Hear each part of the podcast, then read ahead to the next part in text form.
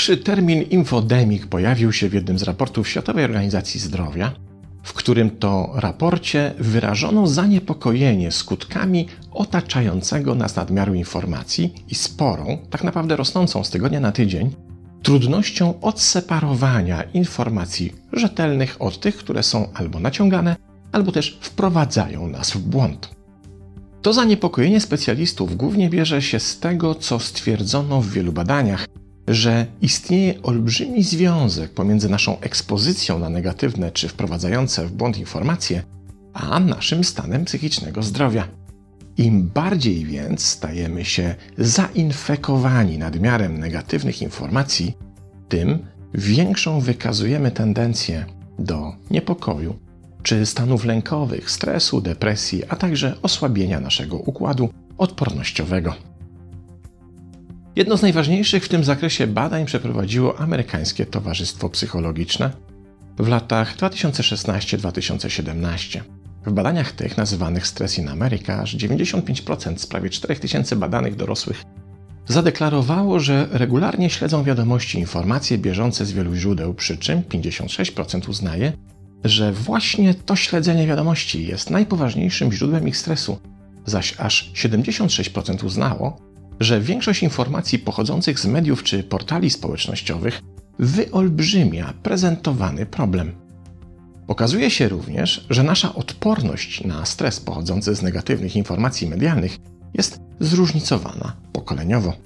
Spodziewalibyśmy się przecież, że młode pokolenia, ci ludzie, którzy wychowali się już przy wszechobecnym internecie, będą bardziej odpornione na negatywny psychologiczny efekt sieciowych czy medialnych wiadomości. A jest dokładnie odwrotnie. W generacji Z aż połowa badanych utożsamia źródło swojego codziennego silnego stresu w czytaniu wiadomości, podczas gdy osoby starsze, np. boomersi czy przedstawiciele generacji X, deklarowali ten sam problem już tylko na poziomie 30%. Fakt pozostaje jednak bezsporny. Codzienna ekspozycja na negatywne informacje ich nadmiar płynący do nas zewsząd oraz coraz większa trudność w oddzieleniu wiadomości prawdziwych od fałszywych, czy też przesadzonych, wyolbrzymionych od rzetelnych, powoduje wzrost naszego codziennego stresu i cały wachlarz równie negatywnych emocjonalno-psychologicznych skutków. Świat zachodniej psychologii już na tyle się tym zjawiskiem zaniepokoił, że powstaje coraz więcej tekstów mających na celu zatrzymać ten proces, czy też wyposażyć ludzi w odpowiednie narzędzia, które mają temu zaradzić. Oczywiście podstawą tych kłopotów jest to, jak media czy portale społecznościowe relacjonują wiadomości dotyczące pandemii, ale moim zdaniem problem jest daleko szerszy. Przecież dokładnie taką samą sieczką nieprawdziwych lub przesadzonych, wyolbrzymionych negatywnych informacji jesteśmy atakowani zewsząd, nie tylko w kwestiach statystyk zdrowotnych. Do tego otrzymujemy co dzień na dokładkę całą paletę takich informacji o gospodarce, finansach, przedsiębiorczości, polityce i wyborach, ustawach, podatkach, regulacjach prawnych, klimacie i pogodzie. Co róż dowiadujemy się o suszy, która spowoduje wzrost cen żywności, albo dla odmiany o ulewach, burzach i podtopieniach. Z jednej strony mówią nam, że za chwilę będą rosły za oknem palmy, a średnia temperatura będzie wynosiła 30 parę stopni, by na drugi dzień przestrzegać nas przed chłodem i tym, że za oknem mamy tak naprawdę październik w pierwszych dniach lata.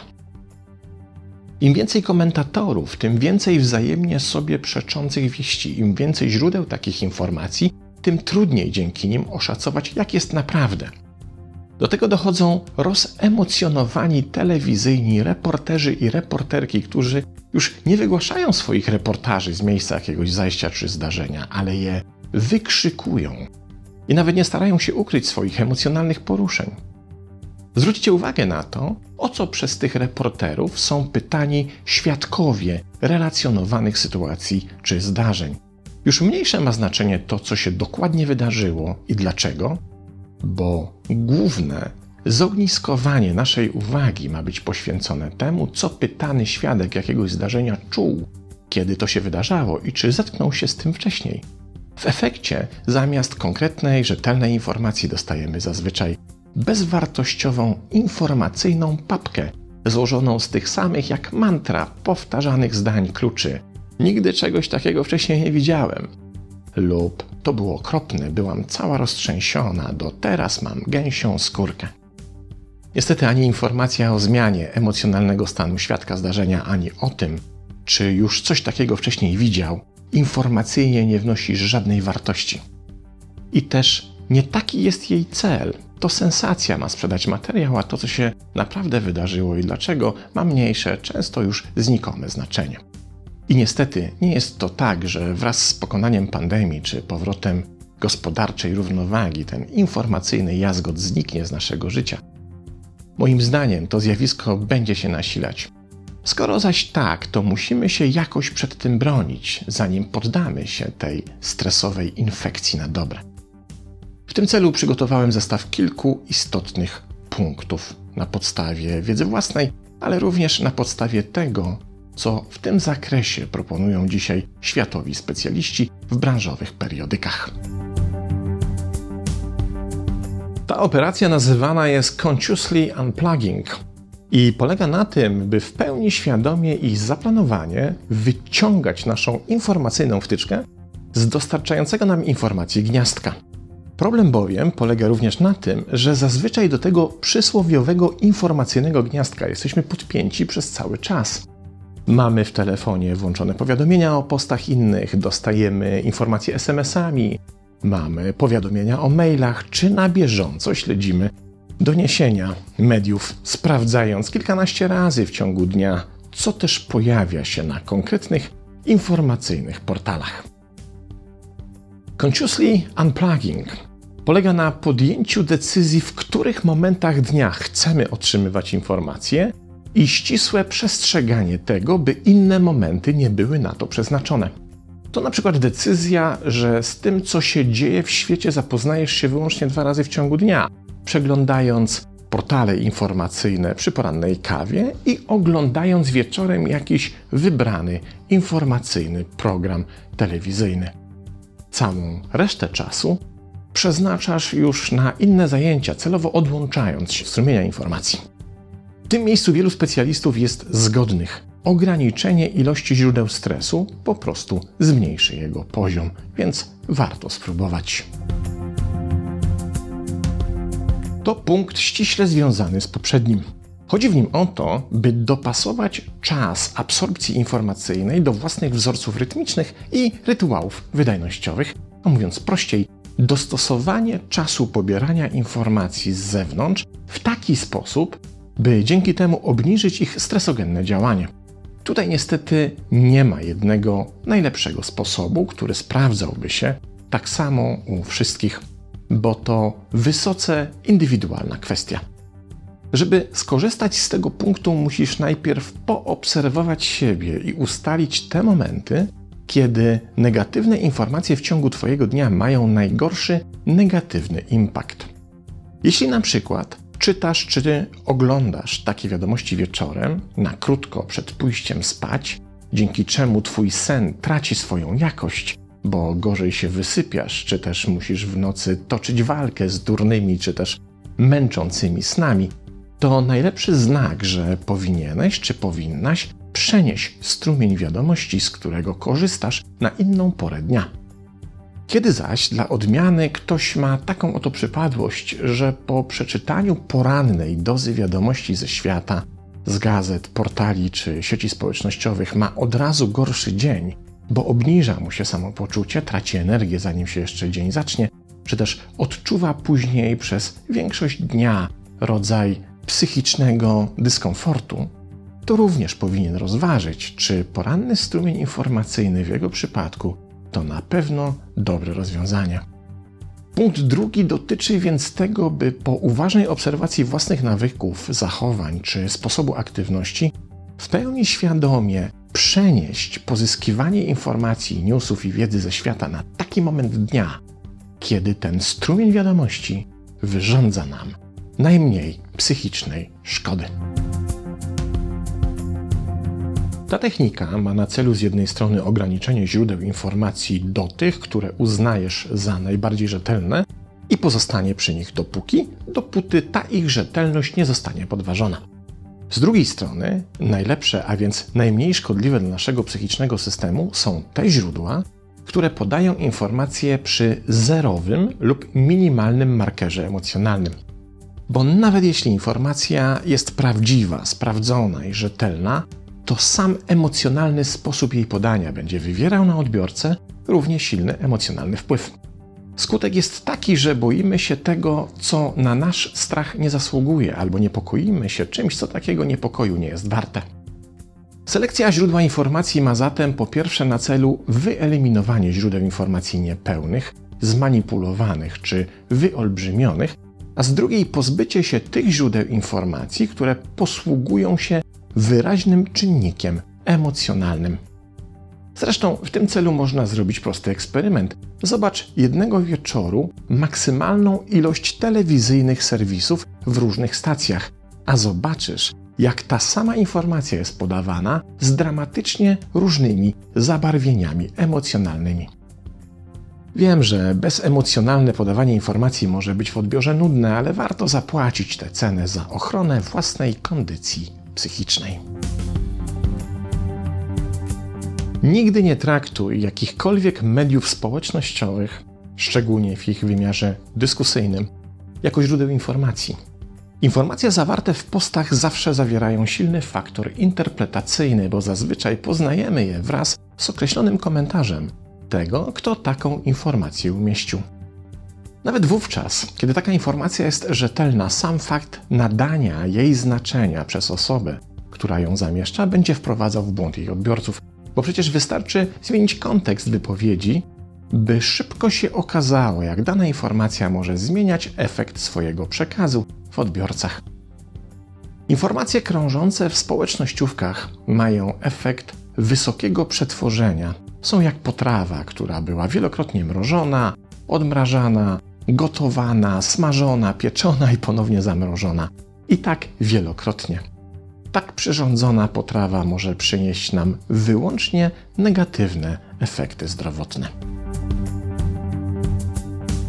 Zwróć uwagę na to, jaki rodzaj informacji czy opinii jest publikowany przez Twoich społecznościowych znajomych, dalszych i bliższych, czy też takie osoby, które jedynie obserwujesz. Okazuje się, że są wśród nich osoby, które wykazują silniejszą tendencję od innych do siania strachu, przerażenia, siania paniki czy narzekania. Są też takie, które lubują się w podchwytywaniu nawet najgłupszych newsów i puszczaniu ich w świat. Publikują zdjęcia mające udowodnić jakąś okropną tezę, a później się okazuje, że te zdjęcia zrobiono kilka czy kilkadziesiąt lat wcześniej w innej części świata i dotyczyły czegoś zupełnie innego niż teraz nam się wciska. Jeśli odkryjesz w swoim sieciowym otoczeniu takie osoby, to najlepszą rzeczą, którą możesz zrobić, to przestać je obserwować. A jak się nie uda, to po prostu usunąć je ze znajomych, by nie narażać się na zamęt, który w sieci sieją. Pamiętaj, że czynisz to po to, by się samemu czy samej chronić, więc nie miej z niezdrowych wyrzutów sumienia czy poczucia winy, że się od kogoś w ten sposób separujesz. Obniżenie Twojego życiowego stresu, a więc profilaktyka przeciwko wielu potencjalnym problemom i chorobom, jest ważniejsza niż czyjaś satysfakcja z tego, że nabrał ileś kolejnych osób na fejkowego newsa. Jeśli mimo wszystkich powyższych zabiegów jakaś informacja spowodowała u ciebie silną reakcję lękową, coś cię przejęło czy przygnębiło, to zawsze, ale to zawsze staraj się zweryfikować prawdziwość i rzetelność takiej informacji. Czasem weryfikacja jest prostsza niż nam się wydaje, a nie dokonujemy jej właśnie z tego powodu, że uznajemy, że znalezienie źródeł to długi i męczący proces. Po pierwsze, używaj wyszukiwania obrazów. To proste narzędzie oferowane już chyba w każdej przeglądarce internetowej. Wystarczy wgrać zdjęcie, które ktoś rozpowszechnia jako dowód na jakąś negatywną informację i sprawdzić, czy aby na pewno ono tego dotyczy. Całość zajmuje zaledwie minutę, a można się szybko zorientować w przekłamaniu czy manipulacji. Weryfikuj również niepokojące informacje. Często tutaj najlepszym sposobem jest przetłumaczenie nagłówka informacji, czy też najważniejszego jej fragmentu, na język angielski i poszukanie tego samego w anglojęzycznej sieci, bo jej zasoby, siłą rzeczy, są wielokrotnie większe od treści polskich, dzięki czemu można zazwyczaj szybko sprawdzić prawdziwość poszukiwanej informacji. Ja robię tak za każdym razem w kontekście jakichś z euforią w mediach ogłaszanych psychologicznych badań. Wystarczy już sam serwis ResearchGate, by się okazało, czy euforia autora tekstu była uzasadniona. Tutaj zawsze przyjmujemy założenie i akceptację co do tego, że jednym z nieodłącznych elementów naszej rzeczywistości są tak zwane sieci nieformalne, czyli powiązania, których nie widać na pierwszy rzut oka i które jednocześnie mają wpływ na naszą rzeczywistość. Ich natężenie oczywiście nie zawsze dominuje wszystko to, co nas otacza, ale z drugiej strony ich występowanie jest powszechne i to na każdych skalach i poziomach społecznego czy medialnego funkcjonowania. Można wytłumaczyć ten mechanizm przywołując lata 70. ubiegłego wieku i popularną wówczas w amerykańskim dziennikarstwie śledczym frazę follow the money, co oznaczało, że jeśli nie potrafisz rozwikłać jakiejś zagadki, to wystarczy podążać śladem pieniędzy i dowiedzieć się, kto najwięcej na czymś zyskał, a wtedy wiele się może wyjaśnić. O tym systemie sieci nieformalnych pisał także znakomity socjolog Peter Berger, który używał tutaj terminu zafasadowość, rozumianego jako umiejętność dostrzeżenia tego, co się dzieje za fasadą. Dzisiaj możemy powiedzieć, że jest to umiejętność właściwego kojarzenia faktów i wyciągania z nich właściwych wniosków. Dopiero na tym poziomie pojawia się umiejętność właściwego rozumienia rzeczywistości, która nas otacza. Nie chodzi tu oczywiście o to, żeby wszędzie wietrzyć spisek, a jedynie o to, by niekoniecznie brać wszystko tak, jak z pozoru wygląda lub jak inni nas do tego przekonują. Pod spodem może być bowiem coś jeszcze, czego odkrycie znacznie zmienia nasz wstępny osąd. Czy zastosowanie tego siedmiokrokowego systemu jest w stanie nas ustrzec przed stresem będącym efektem informacyjnej ekspozycji negatywnych treści?